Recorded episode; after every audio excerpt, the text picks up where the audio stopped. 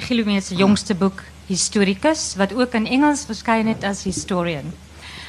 Ek het nou allerlei goeders voorberei wat ek oor Herman wou sê oor die Afrikaners, oor sy loopbaan as geskiedkundige en akademikus en politieke kommentator en al daai goed.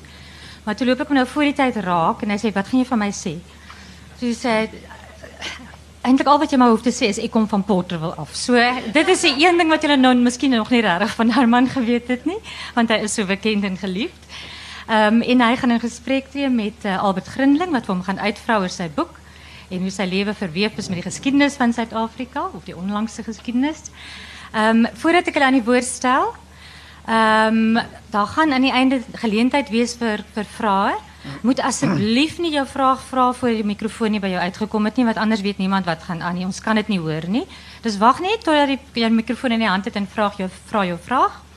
En dan die boek is hier buite te koop en Herman, ek is seker jy sal met graagte boeke teken soos ek sien jy nou al gedoen het.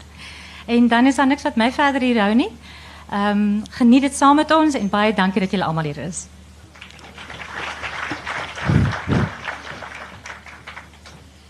Ja, goeiemiddag van my kant af ook.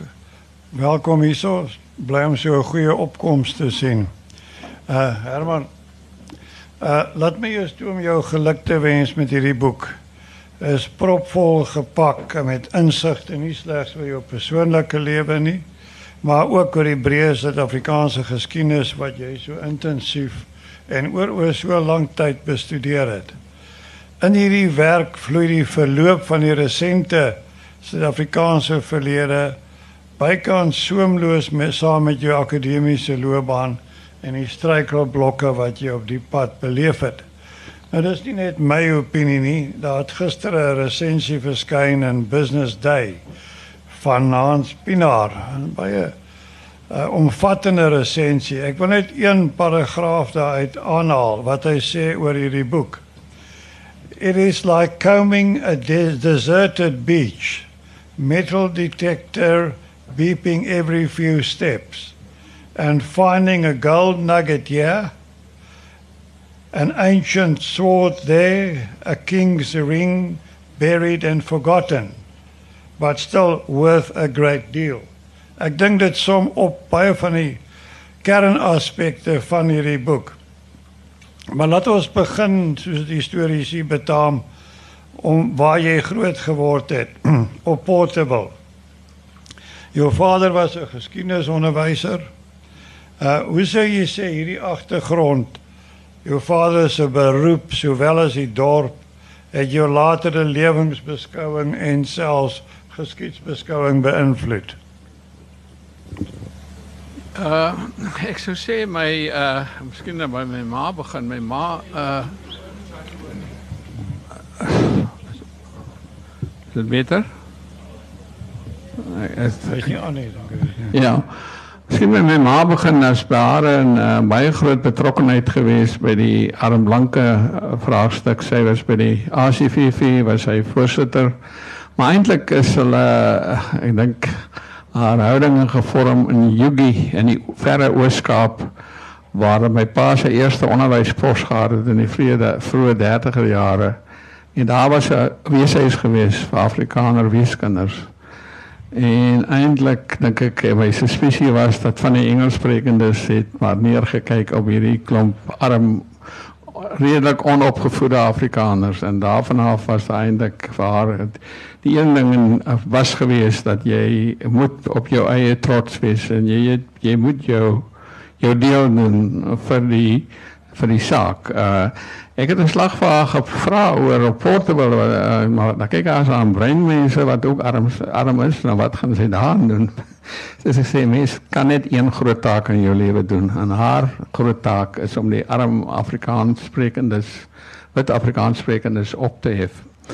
My pa was 'n onderwyser uh wat baie lief was vir geskiedenis, hy het op Stellenbosch gestudeer, hy was baie lief vir Stellenbosch is 'n klasmaat van professor Tom die uh die uh rek wat later rektor was van Stellenbosch en hulle was in die Broederbond Dr Tom was voorsitter van die Broederbond en op 'n stadium was daar my pa hulle ongelukkig oor 'n sekere sekere persoon wat hulle voorgestel het as lid van die Broederbond op Portwell en hy is toe afgekeur om een of ander manier een of ander attack het om geblackmail. En hy het met Dr. Tom ges, uh, gaan praat en toe Dr. Tom sê maar eintlik jy die mense geklaar hy's 'n skelm skeieregter. En en die Broederbond kan enigiets gehad het dan kan hy skelm skeieregter so 'n regleder. maar ja, dit is prioriteite reg gehad. Uh so uh, my pa was uh, geskiedenisonderwyser, hy het baie passievol oor sy vak gewees. Hy het hy het hy het was hier wat geskiedenisboeke aan ons huis, veral nou die ek onthou baie goed Gert Marits uh die boek die, die boek van uh professor Tom uh uh oor oor oor die groot trek en die toesprake, die bundel en alsoan en um, 'n hele paar ander geskiedenisboeke van Loon die in die Hollandse historikus wat oor die populêre oor die wêreldgeskiedenis geskryf het. So ons het 'n boek van in 'n in 'n in 'n in 'n gesin van koerante en boeke groot geword. My oupa wat dit my Duitse oupa was, hy het uh, van op 19 jarige leeftyd het hy hiernatoe ge amper weggeloop van Duitsland af. En uh hy het uh, op Nieuwdwil op het Gasberg, 'n klein plaas buitekant Nieuwdwil het hy sy lewe deurgebring en hy was waarskynlik van die min mense in hierdie geweste wat op die Saturday Evening Post en die Life, die twee Amerikaanse tydskrifte ingeteken het. So ek het met taamlik met boeke groot geword en wat 'n groot vormende invloed invloed uh, gehad het. Ja, jy kom toe in 19 is dit 1958 dat jy universiteit toe gekom het. 56. 56, ja. Mm. En jy sê dat in jou universiteitsloopbaan as student het jy nogal leierskapposisies bekleed. Nou was dit de doelbewuste strategie ja. om deel van die broederbond te word. ek was nooit gevra, ek was nooit gevra nie. Uh, ek, ek ek hoop ek sou nie sê, maar ek indien ek nie 'n ja sou gesê het, sou ek aangebly het na 1994. Uh, ek sou nie daarna my autobiografie probeer verbeter het nie. Ehm um, uh, ek uh, ek ja, ek het baie uh, ek sê sy stormagtige verhouding met Stellenbosch nie. Hy was 'n liefdehad uh ek was uh, ek is baie bly dat ek op Stellenbosch Universiteit was. Ek is bly dat ek hier studeer het. Ek sou nie sê ek het leierskap sodanighede gehad nie. Ek was op uh, Portable was ek 'n hoofseun, maar daar was net ses, ses seuns in matriek gewees. So, so dit is nie uh uh ek, ek dink die ander het amper net een stem minder sê gekry. So dit was 'n uh, very close call. Uh ek het ek het op as later aan dis ek op die op die uh primarius van Simonsberg maar dit was ook in my 4de of 5de jaar en so en so ek ek dink jy sou nie daar was nie sekere opvallende uh leierskap eienskappe nie maar uh, ek het maar altyd gesê ek het miskien net een eienskap en dis 'n sekere hardnekkigheid Dis nog 'n goeie kwaliteit vir 'n historikus. Mm -hmm. Mm. Uh, maar ek wil terugkom na die universiteit toe. In jou boek het jy so subhoofie wat jy noem in die universiteit met 'n houding. Mm. En ek nou net daarbey by sterkie daarbey byvoeg. Uh dit het nogal 'n klokkie by my gelei want ek onthou in die 60e jare het ons familie gehad op Stellenbosch wat daar in Janastraat gebly het. Dan is my ma wat ons nou van Oudtshoorn gekom en as ons hier kom is dit nou 'n groot besoek en sy het altyd met groot pietyd gepraat van Stellenbosch en van professore op Stellenbosch. Ons het selfs rondgery en dat sy met 'n gedempte asem vir my gewys. Hier is professor Tom van Arkel se huis. daar daar da was daardie tipe uh gesindheid gewees. Maar tog het jy op Stellenbosch heelwat koppe gestamp. En uh, ja, ja, sê jy miskien iets daaroor sê. Ja, ek dink ek Stella was ons gemaak om mekaar te irriteer, jy weet. Ek dink ons ek ek ek ek was nou verskillende universiteite betrokke. Ek is waarskynlik van die min mense wat die helfte van my lewe by een universiteit, Stellenbosch Afrikaans geskiedenis en die ander helfte by Universiteit Kaapstad Engels politieke studies. Dis vak wat ek nooit gestudeer het nie, maar ek 'n professor ingeword het. Ehm um, so en ek kon die twee universiteite baie goed mekaar vergelyk. As nie 'n ander plek so Stellenbosch nie, wil hierdie ongelooflike kombinasie van ehm wêreldvreemdheid en klein burgerlikheid saam met 'n geweldige hoë dink uh, van die instelling en dat dit 'n besondere gawe van uh aan Suid-Afrika is en aan die wêreld. Jy weet 'n soort van die beste Afrikaanse universiteit in die wêreld. Uh en dit het my van die begin af eintlik geïrriteer en ek dink sommige mense het seker dit aan self met my geïrriteer geraak. Ek weet professor Piet van der Merwe het vir my gesê hy was hoof van die departement geskiedenis en hy was 'n uh, gedigte historikus vir vir wie se werk ek baie respek het. Hy het my gesê jy is nou die eerste man in die departement wat sy horings opgelig het. Jy man nou maar vat wat jy kry. En uh, dit is nogal mens moet mens moet die openhartigheid daarin waardeer. Ehm um, ek dink uh jy weet ek ek is net verstommend uh hoe professore op Stellenbosch soos jy nou self sê Albert amper klein goetjies geword het. Wat kan besluit om jy weet soos die jongste taal besluit om in weerwil van die wense van die Afrikaanssprekende gemeenskap te besluit om 'n Engelse universiteit te word. Dit is dit is verstommend dit sou Dit sou nêrens elders in die wêreld gebeur het. Dit is net Stellenbosch waar waar so iets moontlik is. Uh en natuurlik, jy weet ek vat nou dag het aan Leon vir my geskryf toe die taalstryd het in 2005 begin. Ek was betoeval daai jaar verkies tot die universiteitsraad. Het hy vir Tony Leon vir vir Stellenbosch geskryf, professor Bringbus die rektor gesê hy dink daar behoort ten minste twee Afrikaans medium universiteite te wees en een daarvan behoort Stellenbosch te wees. En professor Bringbus het hom teruggeskryf, hoe durf jy aanmeng in 'n saak wat eintlik die uh, waaroor die universiteit autonomie het. Nou dit verteenwoordig 'n wêreldvreemde houding wat regtig deur moeilik enig deur enige ander rektor in hierdie wêreld geklop kan word.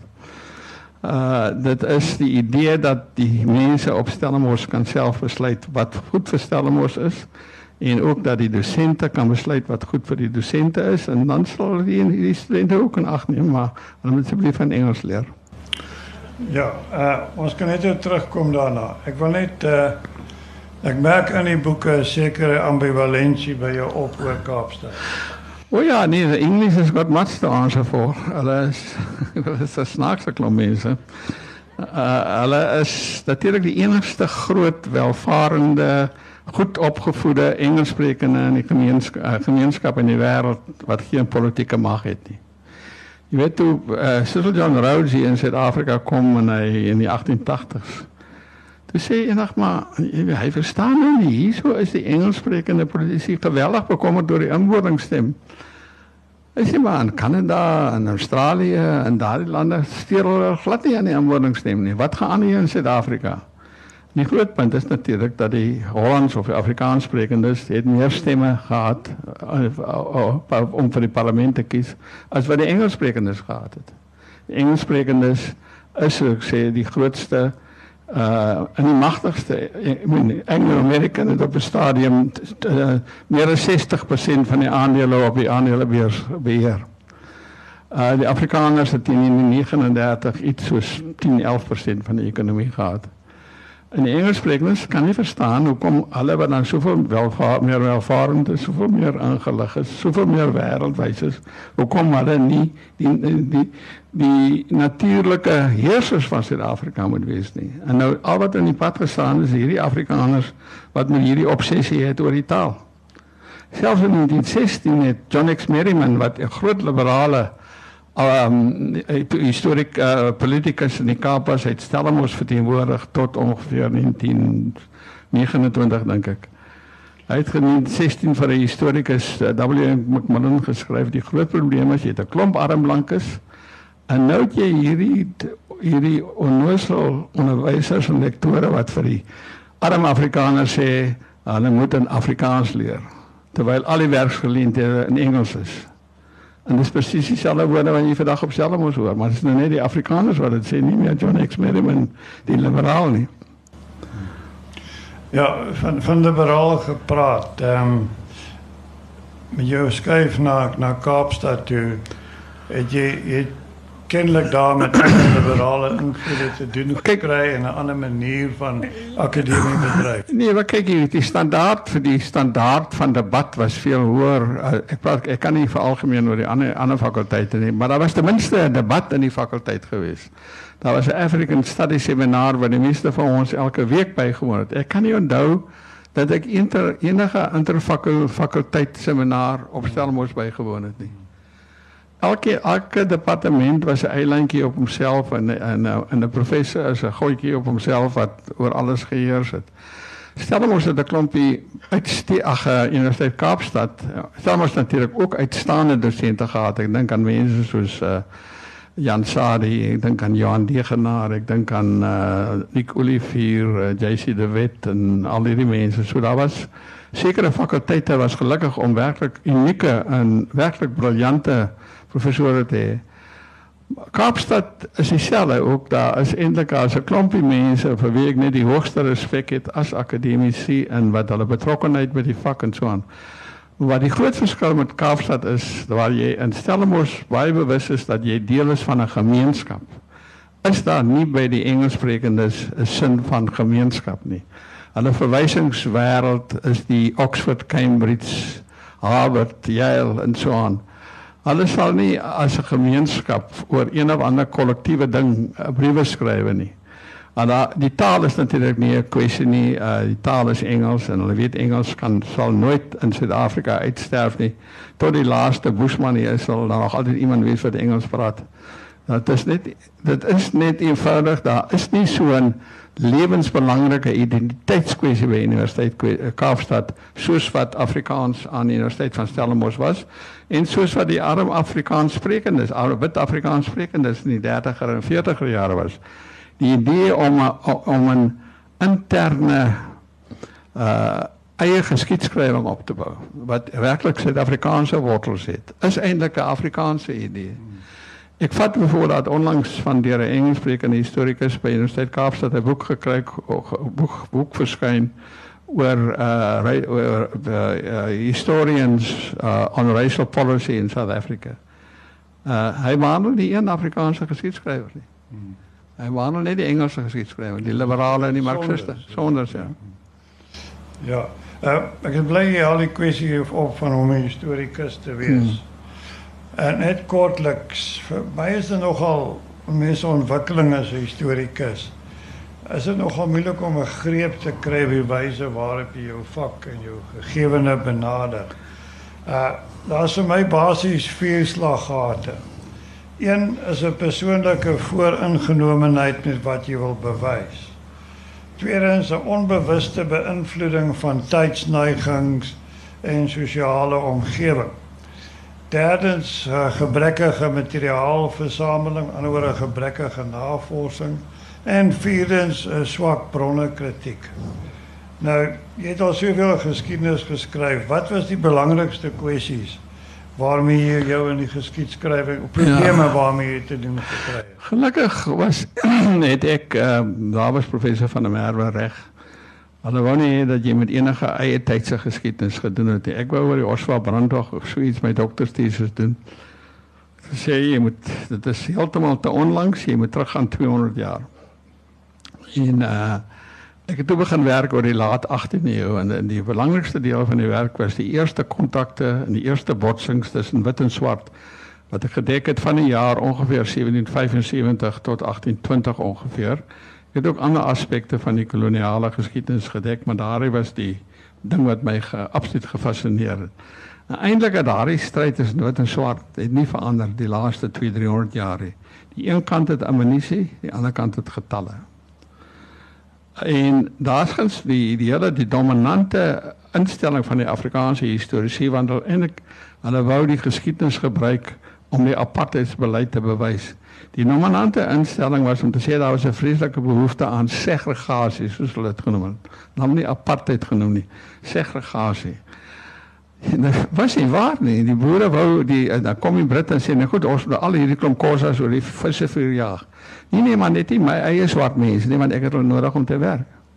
Daar was geen behoefte aan partisie en also aan dit dit mense wou arbeid hê en die En dit is een van die min uh uh plekke waar deur Europeërs beset is waar daar geen uitwissing van die dominante inheemse groep is nie. Want die boere en die Bantus uh ekonomie het als ab, absoluut ooreengestem. Albei was veeboere. Albei wou weivelde hê. So hulle het sowel gebeklei maar ook soms meegewerk. Nou is ook geen sprake dat daar 'n algemeen ooreengekome grenslyn was nie. Die, die selfprofessor van der Merwe het die fout gemaak in 1778 het die gouverneur daar opgery daar na die Oranje rivier en ag na die Visrivier en sê okay dis nou die koloniale grens. Maar hy het met 3 4 klein Kosa kapteintjies gepraat wat waarskynlik nie eens geweet het waaroor hulle onderhandel het nie. Die uh die uh in die in die in die Suurveld was eintlik die gesogte omstrede gebied geweest. Uh en dit is die Suurveld lê so suid van Gramstad. Dit is tussen die Boesmansrivier en die Visrivier. Nou daar het die Khoisas en die Blankes, die Khoisas so 'n bietjie voor die blank voor die voor die Afrikaners daar aangetrek. En per toeval het ek so 2 jaar gelede was ek in 'n grondeise saak en ek het vir die eisers uh, ek het vir die vir die boere ge uh, uh, deskundige getuienis gegee. Die eisers het die hele Salem is 'n is 'n groot uh, 'n stuk um, commons wat hulle wat hulle op aanspraak gemaak het. Ehm um, en ehm um, my teenoorgestelde deskundige was 'n marxistiese historikus wat 'n hoë aansien geniet, Martin Lagassic, hy's onlangs oorlede. Hy het probeer bewys dat dit eintlik daai grond behoort aan die Khoisas. En ek het geargumenteer en also aan uh, en hy het geargumenteer en toe op een oggend toe ons in die hof kom, is in Gramstad gehou gewees. Pluk hulle dokument uit. Die twee die aan die ander kant se advokaat en sê professor Gilleme in 1974 het jy hierdie referaat in Londen gelewer. En daar sê jy dat Adrian van Jaarsveld, die leier van die boere het gesê ons moet miskien maar die Suurveld vir die Khoisas teruggee want hulle was eerste daar. ek toe maar vinnig dink. Ek sê kyk daar links bokant staan op die paper staan dat die reël by daardie instituut in Londen not to be quoted without the author's permission. wat wat het jy weet van die weg gehad? Kyk hier op die einde was dit uh het die het die Engelssprekendes gekom, die Engelse troepe mag moet wat baie meer gedissiplineerd was, baie meer doelgerig had dit besluit om al die kosas oor die visrivier te jaag. Hulle het boerekommandos gehad wat hulle wat hulle wat hulle uh, ondersteun het en en en ook uh, koi koi soldate. Maar sonder die Engelse se uh kan 'n mens maar amper sê militêre genadeloosheid sou nog die kosas nog die Zulus verslaan gewees het. Die die die boere het eintlik basies moet opgegee om die kosas of die Zulus heeltemal ver, verpletterend te verslaan want moet, kan nie net enkele geveg wen nie. Jy moet hulle so goed verslaan dat hulle nooit weer sal terugkom nie. Baie dankie. Dankie. Uh, maar ek wil net weer terugneem na die kwessie van geskiedskrywing. Uh jy het al in, in hierdie skemer dit ook deur dat jy jy is baie bedag daarop om jou eie stem te vind. Om om jou nie te laat verbind aan sê net maar streng liberale uitgangspunte of Afrikaner nasionalisme en dan ook nie 'n soort nuwe marxiste marxistiese benadering in te werk nie. Is dit het jy dit moeilik gevind om tussen hierdie stromings deur te stuur? Kyk, ek kyk maar al jy kan van albei van die liberale wat nou die individu beklemtoon en ook die idee het van 'n gemeenskaplike samelewing, jy dis nie waardes van oh, gelykheid van voor die reg en so aan dis waardes waarmee mense jou kan vereenselwig maar die liberale het die idee vir al die Britse liberale het die idee van dat almal kan op die ou en saamsmelt in een gemeenskap alles hulle ook van verskillende rasse en verskillende uh, hulle Brittanje waar die klasse almal geïntegreer geraak het in een gemeenskap in gedagte ons parallel is in Oos-Europa waar daar verskillende etniese groepe is wat te mekaar veg en soms mekaar met uitwissing bedreig. Maar die Engelse liberale het altyd na Amerika en na in, in die melting pot en na en na Brittanje gekyk. So ek kom in die daarmee vir eenselfig. Die marxiste het die belangrike idee dat jy natuurlik dat uh, belange belangrike rol speel in enige mens se lewe.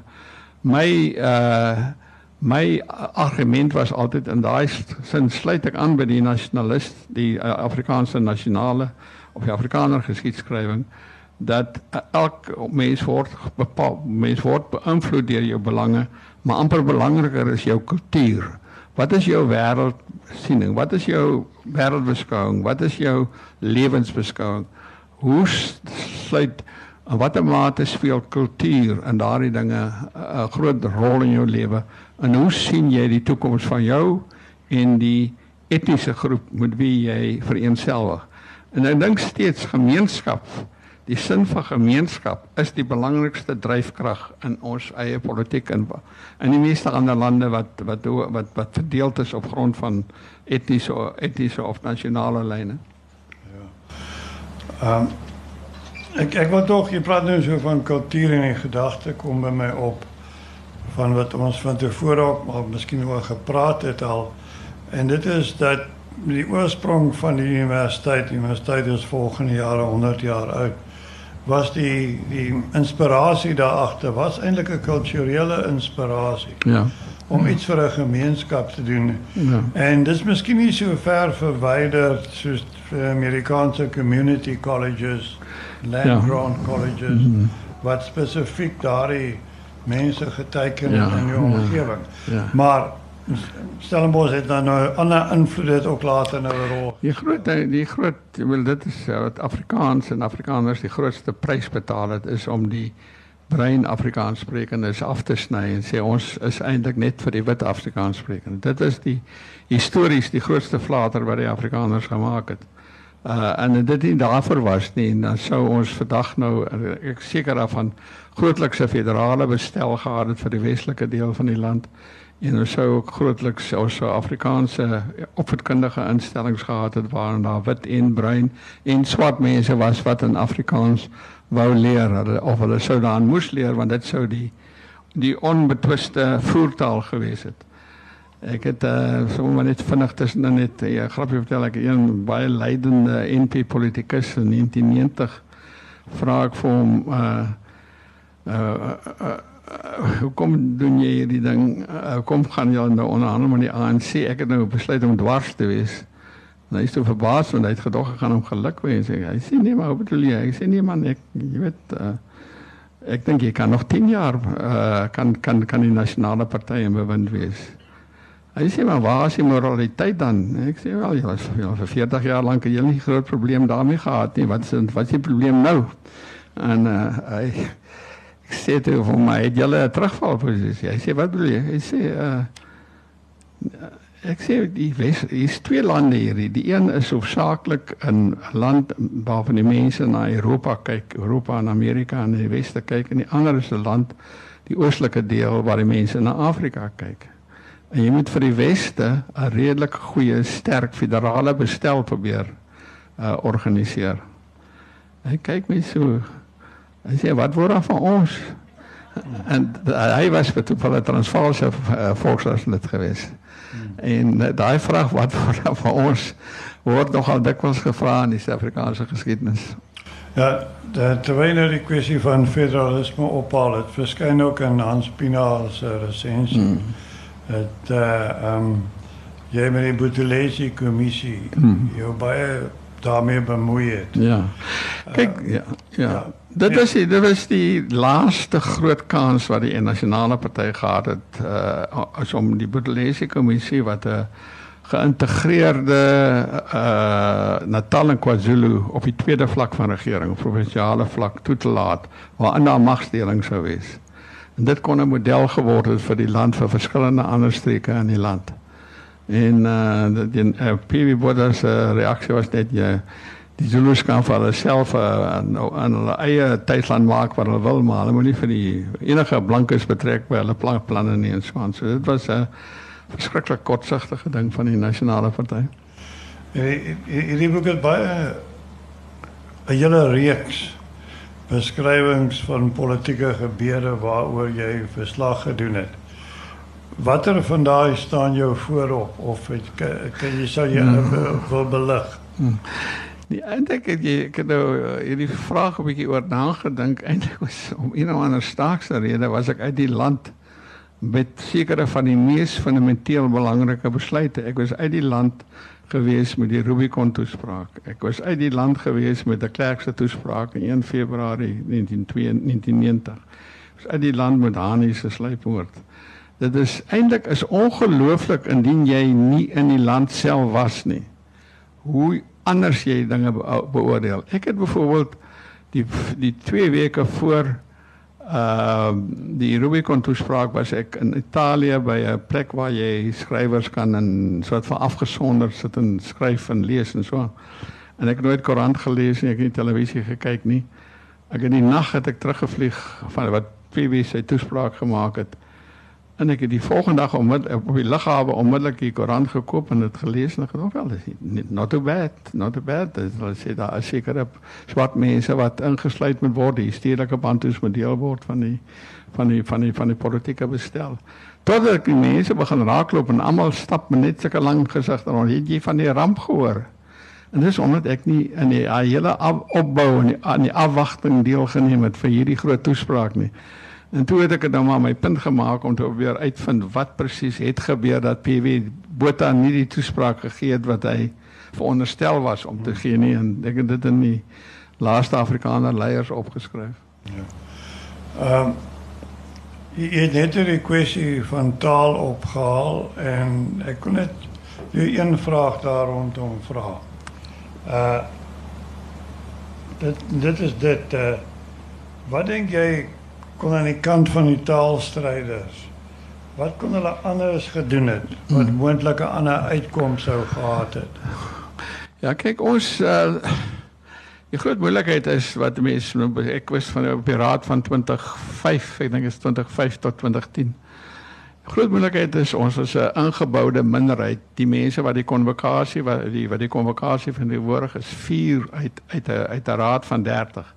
Dan was daar twee mense wat die donateurs verteenwoordig. Dit is gewoonlik sakelei geweest. Uit op maksimaal ons 6 van die 30 stemme gehad. Die bestuur het kon reken op ten minste 10, 11 stemme. So daar was bitter min vlottende stemme geweest. Maar wat ek nooit besef het nie is hoe die samestelling van die studentekorps uh, verander het as gevolg van die toelatingsbeleid van die van die van die van die universiteit wat eintlik nooit in die raad bespreek is nie. In die 94 was die Engelssprekendes en dit was omtrent 90% wit. Hulle het gevlug van die Engelse liberale kampusse. Was ongeveer 3500. In 2007 was hulle 7000. In 2014 was hulle 14000. En die Afrikaners was toe 13000. Dis sê daar's nou meer Engelssprekendes as Afrikaanssprekendes. Ons gaan nou Engels klas gee. So mens mens moet baie meer daardie toelatingsbeleid moes jy opgelet het. Jy moes baie groot meer lawaai opgeskop het. Maar die punt is natuurlik dit is verskriklik moeilik om die mense te mobiliseer. Jy kon die Afrikaanse gemeenskappe gemobiliseer indien die koerante dit hulle 'n groot die burger veral dit 'n groot saak gemaak het. Ek moet sê ons het goeie steun gekry van rapport. Ek dink Tim de Plessis is hierso. Uh ons het steun gekry van kyk net, maar die burger het vir alle praktiese doeleindes het hulle eintlik nie 'n standpunt ingeneem. En dan en in die burger nog onder die direkteurskap van e-, Ebedomese of van Pichelier gestaan het, dan was dit 'n totaal ander storie geweest. Maar die meeste Afrikaanssprekendes is selfs vandag nog nie bewus daarvan dat ons waarskynlik nie is is nie 'n geweldige uh, beweging in die gang nou kry nie, sal daar oor 4 of 5 jaar nie Afrikaanse universiteite meer wees nie. Universiteite, die hierdie ding dat Selmor sê ons het 40% wat nou parallel is. Jy kan nie in 'n enkele instelling Afrikaans met Engels laat kompeteer nie. Dis net en dit is nie net Afrikaans nie, dit is die Franse besef dit in Kanada. En daarom het hulle op hulle eie universiteite aangedring. In Oos-Europa is dit 'n absolute feit. Jy jy laat nie daardie kleiner tale met Russies kompeteer nie. En uh, uh dit is amper om nou om skielik te sê die wet van swaartekrag moet nou nie meer werk nie. Dit moet nou 'n vrye keuse wees. Want ek dink die hele beleid soos dit nou staan is daarop ingestel dat die stroompie van Afrikaanssprekendes wat in Afrikaans aandring al minder en minder word totdat jy op die dag dit maar eintlik maar kan afskaf. So as jy wil Afrikaans wil red, moet daar nou 'n geweldige aksie kom, nie net van uh universiteitsweë en die mense, 'n klompie van ons daar's 'n beweging gelyke kansse, maar dit moet kom van die koerante, dit moet kom van die verskillende uh, instellings, dit kom van die skole, die die uh, skoolkinders moet gesê word julle het die reg om aan, aan te dring op Afrikaans. Ek het in 2007 het ek vir uh die seker een van die wêreld se bekendste kind kundiges oor taalsosiologie het ek hom vertel wat 'n Stellenbosch taalbeleid dit was met die sogenaamde T-opsie nog destyds. Uh John Lepons en hy het 'n boek Languages and Territories geskryf het om volledig die beleid so neutraal as moontlik probeer uitsit. En hy het teruggeskryf en sê ek kan my oë nie glo nie. Hy sê Afrikaans will survive at Stellenbosch but only as a decoration.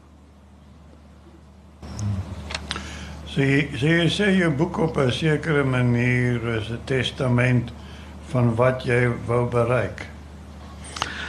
Ja, ek weet nie presies wat ek wou bereik nie, maar ek uh, ek weet soms ek kon uh, ek weet soms ja ek ek ek gaan sê maar as jy nou jou autobiografie geskryf het dat jy nou nie meer idees waarom te skryf nie. Ek, ek weet soms ek het gaan krag gehad vir nog 'n boek. Uh, die enigste figuur wat my werklik interesseer uh, is is is John Forster. Ehm um, ek ek dink uh, as jy iemand wil blameer en wat uh vir dat die dinge skeef geloop het met apartheid is dit Forster. Uh ek dink vir Woord het 'n hele paar dinge het hy nie geweet nie. Hy het nie geweet dat die bevolkingsprojeksies met 15 miljoen uit was. Daar is 15 miljoen meer swartes teen 2022 as wat hulle verwag het in 1951. Hy het nie geweet desentralisasie van die ekonomie werk nie, nêrens nie. So maar ek dink Forster het al hierdie dinge begin weet, maar hy het net hy het probeer hy het, hy het gedink hy gaan wag vir die gunstige geleentheid. En daardie gunstige geleentheid het nooit gekom nie. Ja. Ek ek wil jou terugbring na die taak van 'n historikus. As 'n historikus is mens gewoond om fenomene of figure te ontleed op 'n distansie. Uh nou jy het moeilik gevind om daardie soeklig op jouself te plaas. Uh ja, ek is nie uh, ek weet nie ek kan nie oor myself oor uh, ek is nie geneig om om as ek skryf baie my soort van sê ek dink of ek het tot ek kom tot die gevolgtrekking. Ek probeer die eerste woord eerste uh, eerste persoon te vermy en alles wat ek in alle geskiedenis wat ek skryf selfs in koerantrubrieke en dit is eintlik die een van die belangrikste redes hoekom ek hierdie boek kon skryf want van 19 uh 79 het ek koerantrubrieke geskryf. Ek kon vir 10 jaar nie in die Afrikaanse koerante inkom nie, maar ek het begin in die met die Rand Daily Mail en die Cape Times, want dit het ek my bevorderingsgeleenthede hier op Stellenbosch nie juist bevorder het nie. Ehm um, ek het omtrent 3 iemand een van die bibliotekariërs nou dag moes sê daar's omtrent 350 koerantrubrieke wat ek geskryf het. Ja. En ek dink dit het my geweldig gehelp dat want in 'n koerantrubrieke is 'n mens geneig om jou mening uit te spreek. Kyk, jy skryf 'n koerantrubriek om jou mening uit te spreek en is heeltemal geregverdig om as rubriekskrywer jou mening uit te spreek. Uh, terwyl ek dit nog 'n bietjie met geskiedenis 'n bietjie apart gehou het. Maar in hierdie autobiografie en ek het nooit eintlik beplan om een te skryf nie want uh, my broers was altyd my broer en suster wat wat waarskynlik albei hier is Hulle het al vir my gesê maar dan nie genoeg met jou gebeur om 'n autobiografie te skryf. Hulle ek ja, as Lindy Coates wat uh, die baie goeie biografie van DF Malang geskryf het, sy het vir 'n jaar in Groningen het sy as haar spesiale instituut vir biografie. Sy het gesê die reël is as jy 'n autobiografie skryf, dan moet die eerste persoon ten minste een keer op 'n bladsy voorkom. Ek het dit gedoen of ons het dit gedoen. En as jy 'n biografie skryf, is dit dieselfde. Jy moet daai persoon moet steeds in die kalklik wees. So jy moet nie probeer aan valse beskeidenheid lei nie, jy moet sê. Maar jy moet ook erken wanneer jy verkeerd was. Ek dink die meeste mense is geneig om te sê maar ja of, of, of indien hulle nou 'n ding heeltemal verkeerd het, dan is hulle geneig om dit of te verswyg of te ehm um, of uh, daaroor ligtelik daaroor te gaan. As 'n fascinerende boek uit waar John Coetzee, die romanskrywer met Ar Arabella Coetzee, sy's 'n baie belangrike psigoanalis waar hulle gesprek voer oor die oor die biografie, oor mense se eie lewensverhale. Die boek se titel is The Good Story. En daar vra John Coetzee, wat is daarmee verkeerd om vir 'n persoon 'n effens beter beeld van homself te gee? as wat die waarheid uh verteenwoordig maar wat ook niemand enig skade doen in hierdie hierdie vertekende beeld. Wat is daarmee verkeerd? Wat kan jy daar teen hê veral by psigie psigiatrie indien iemand nou 'n pasiënt wil opbou om weer 'n goeie selfbeeld te hê? Kan jy maar so 'n paar lintjies uh, byvoeg en dit dit doen tog alles nou 'n goeie doel. En uh, ek het nogal jou wat met John Coetzee oor die oor die dinge ge uh, ge uh, korrespondeer en so aan en uh, hy is natuurlik iemand wat nou nooit sy eie autobiografie autobiografie sal skryf nie, maar die laaste romans of ten minste die laaste 2 of 3 van romans van hom is eintlik alles autobiografies. Ja. As vir as sekere dele wat wat hy ingewerk het, wat glad nie waar is. Hy vertel byvoorbeeld dat hy 'n skoolseun was by hierdie Vogelfontein naby Merwewil. Pragtige plaas. Ek was daar ook gewees wat hy 17 jaar oud was. Hy's baie lief vir die plaas, die familieplaas en so aan. En daai die baie mooi nagie gehad en eendag het hulle toe van die plaas na Merwewil toe gery. En toe hulle terugkom, toe breek die bakkie. Kou yskou en nag en al wat hulle nou kon doen is om aan mekaar styf vas te hou om so die nag nou deur te kom. En toe John Kannemeyer nou die biografie, biografie met die samewerking van John Coetzee begin skryf, toe begin hy natuurlik nou sy eie navrae te doen want John was 'n gedigte navorser en hy bel hy nog hy sê vertel ons 'n bietjie van die nag saam met John Coetzee. Sê dit jy so koud gekry. Sê wat? Dat nooit gebeur nie. Hy is heeltemal heeltemal 'n versinsel. ja. Uh Herman, het is altijd mijn baie duidelijkheid en intense belangstelling in die politiek en van en dit spreekt baie duidelijk uit jou werk uit. Het, het jy het jy ooit self oorweeg om die politiek te betree?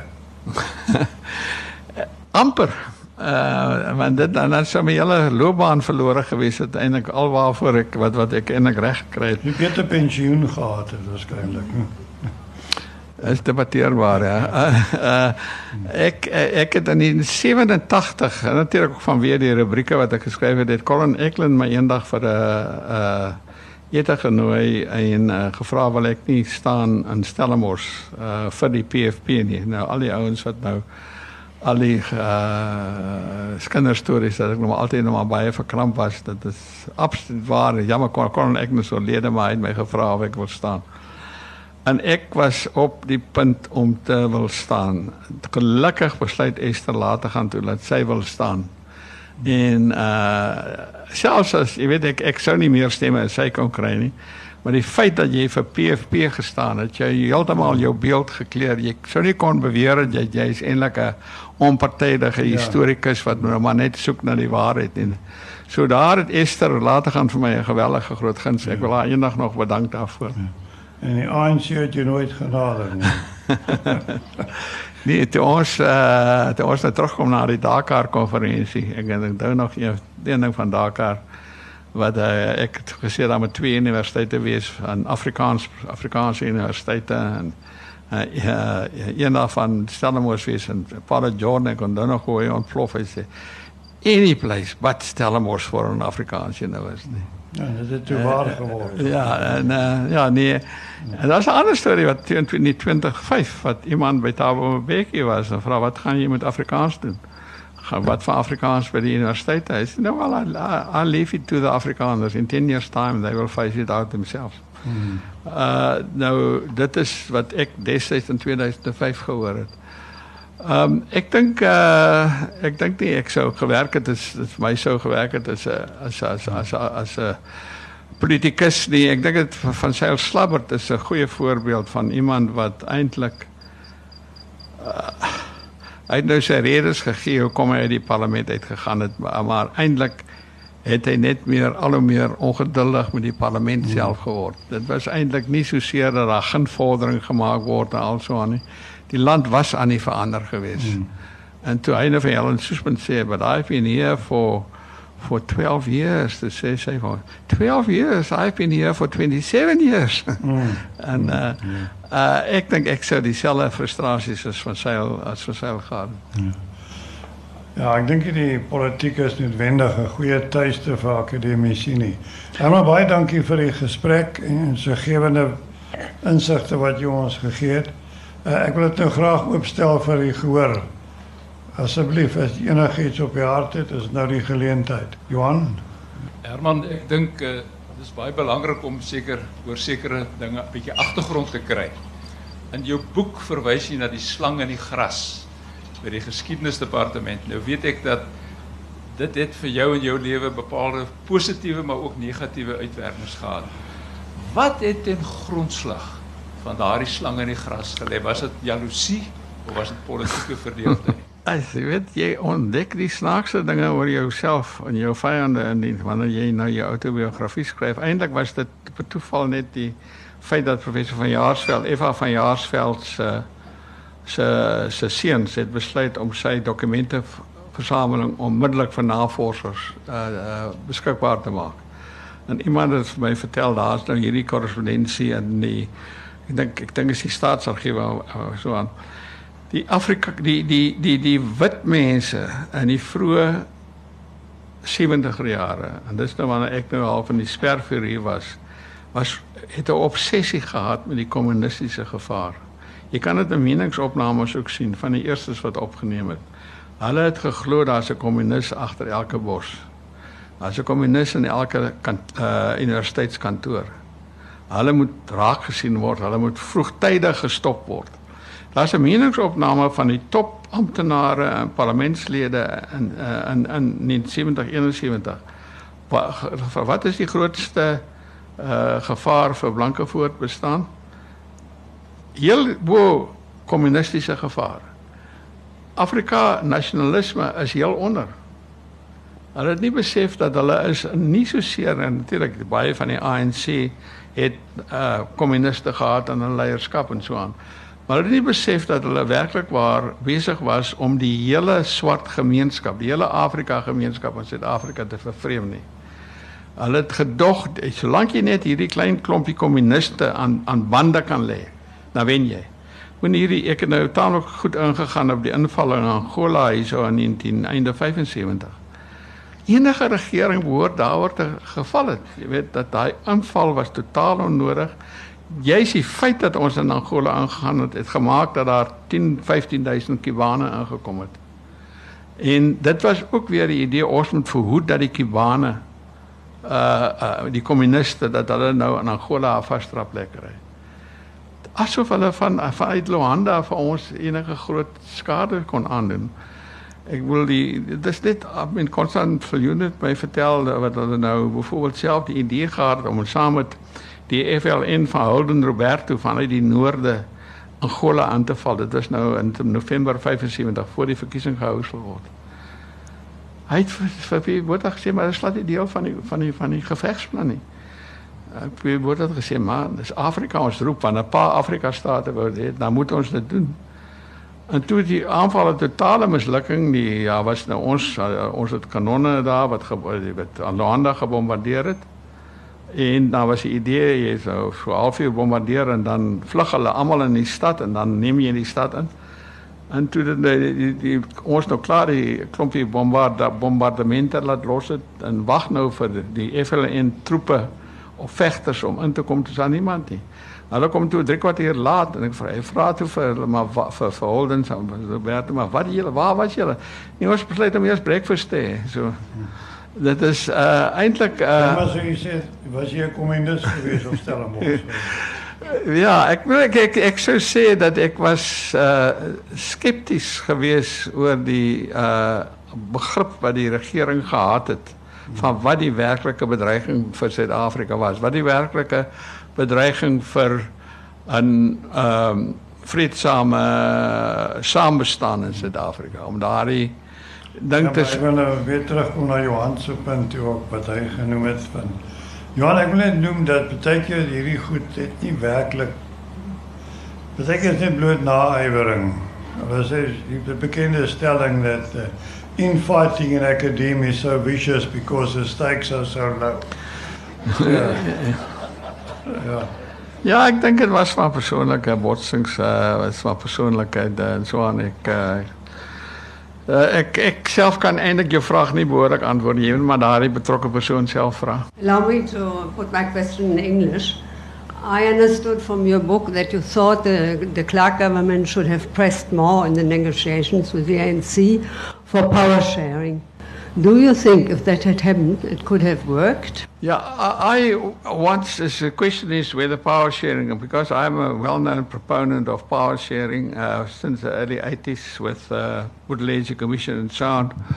Um, there are only two ways of solving uh, this a problem like the one of South Africa. The, the one is through constitutional engineering, in which you have built-in power sharing, or a kind of engineering where you give the final say to the courts. Now, both uh, are problematic. Power sharing, especially if it's asked by the minority and resented by the, by the majority, is problematic. The courts problematic because Parliament, uh, the opposition bypass Parliament and go straight to the courts. So the courts and then the government gets incensed and it starts loading the bench. So there's no easy solutions. Um, I uh, I think what we should have done, is actually is when we started negotiating, when the, when the National Party started negotiating, was to have had a very clear guideline, very clear bottom lines, and say this is the minimum. This is the minimum for what we are settling. And that should have been, and, the, and, the, and the, what have been settled for should have been tested in the referendum. That is what they did in Northern Ireland. And all the various groups in South Africa should have participated in that, not only the whites. Unfortunately, we went and we didn't, the National Party didn't ask an, uh, a clear cut answer in the referendum of 1992. Um, I think what what is necessary in what was necessary in South Africa was that two very strong leaders get together and form a certain pact. Um, I once spoke to Mandela. I had one long interview I had with Nelson Mandela in his house in, in Soweto in 1992, and he said that it is one of his greatest disappointments or regrets in his life that didn't rather had to negotiate with P.W. Botha. Asked Neil Barnard, who in 88 and 89 saw Mandela and de Klerk Mandela and Botha every week at least once.